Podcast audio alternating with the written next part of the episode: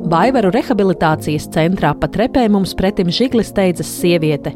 To, ka viņai ir viena kāja, bet otra ir protēze, viņa neslēpj.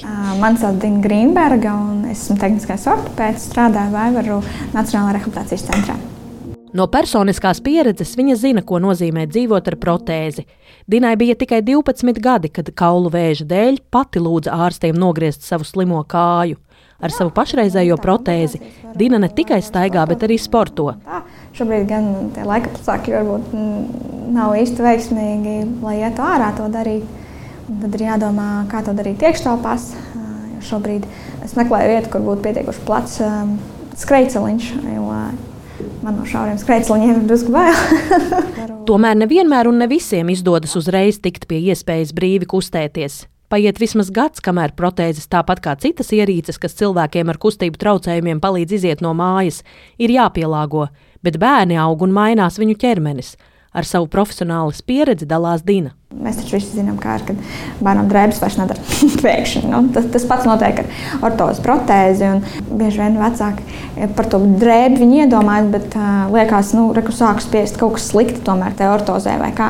Bet uh, tā jau nav. Viņi vienkārši bērns ir izaudzis, ir vienkārši jātaisa jauna. Diemžēl ne visi bērni sagaida valsts apmaksātās ortozes. Pagaidām tās izmaksā krietni vairāk par summu, ko kompensē valsts, un to kvalitāte daudzus vecākus neapmierina. Organizācijā Ziedot.CLV norāda, ka šā gada pirmajos deviņos mēnešos ortozes un ortopēdiskos apavus par ziedojumiem vairāk nekā 14,000 eiro apmērā apmaksājot 11 bērniem. Palīdzības lūgumi ir arī no vecākiem, kuru bērni lieto ratiņkrēslus, sēdēšanas sistēmu iegādēji. Valsts piešķirtais universālais ratiņkrēsls visiem nedara. Lai pacientiem nedeformētos ķermenis, nepieciešamas tādas sēdēšanas sistēmas, ko izveido pēc konkrētā pacienta ķermeņa mēriem. Mūsu gadījumā mums meita ir cita kaita. Viņa vienkārši nekādā veidā nevar sevi savākt. Tā savu stāstu sāk Nauris Rumpis, kura 13 gadus vecā meita Patricija jau izaugusi no savas līdzšinējās sēdēšanas sistēmas. Tāpēc vecāki lūguši ziedojumus jaunas sistēmas iegādēji.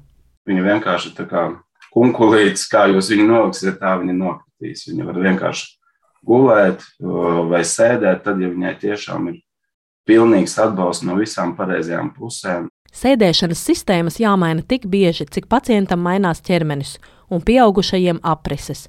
Vidēji viena sēdēšanas sistēma izmaksā ap 3000 eiro. Bet mūsu gadījumā mums ir tā, ka mums tā barošana ir ļoti svarīga.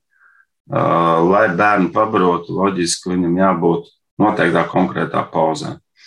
Teiksim, valsts apmaksātie krēsli vienkārši ir krēsls kā krēsls. Nu, ko tirgus piedāvā, to viņš piedāvā. Ar kaut kādiem pausteriem, atbalstiem. Bet manā gadījumā bērns izlieksies jebkurā pozā, kur būs brīvs. Jebkurā brīdī, kā būs kāda maza šķirbiņa, tā viņa salieksies, izlieksies, galva būs kaut kā šķība. Loģiski, ka tādā veidā paiest nav iespējams, jo tas ēdiens vienkārši neiet. Tā kā mēs smuki sēžam, piemēram.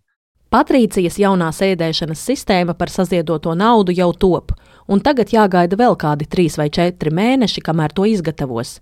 Tad to varēs likt virsū esošajam krēslam.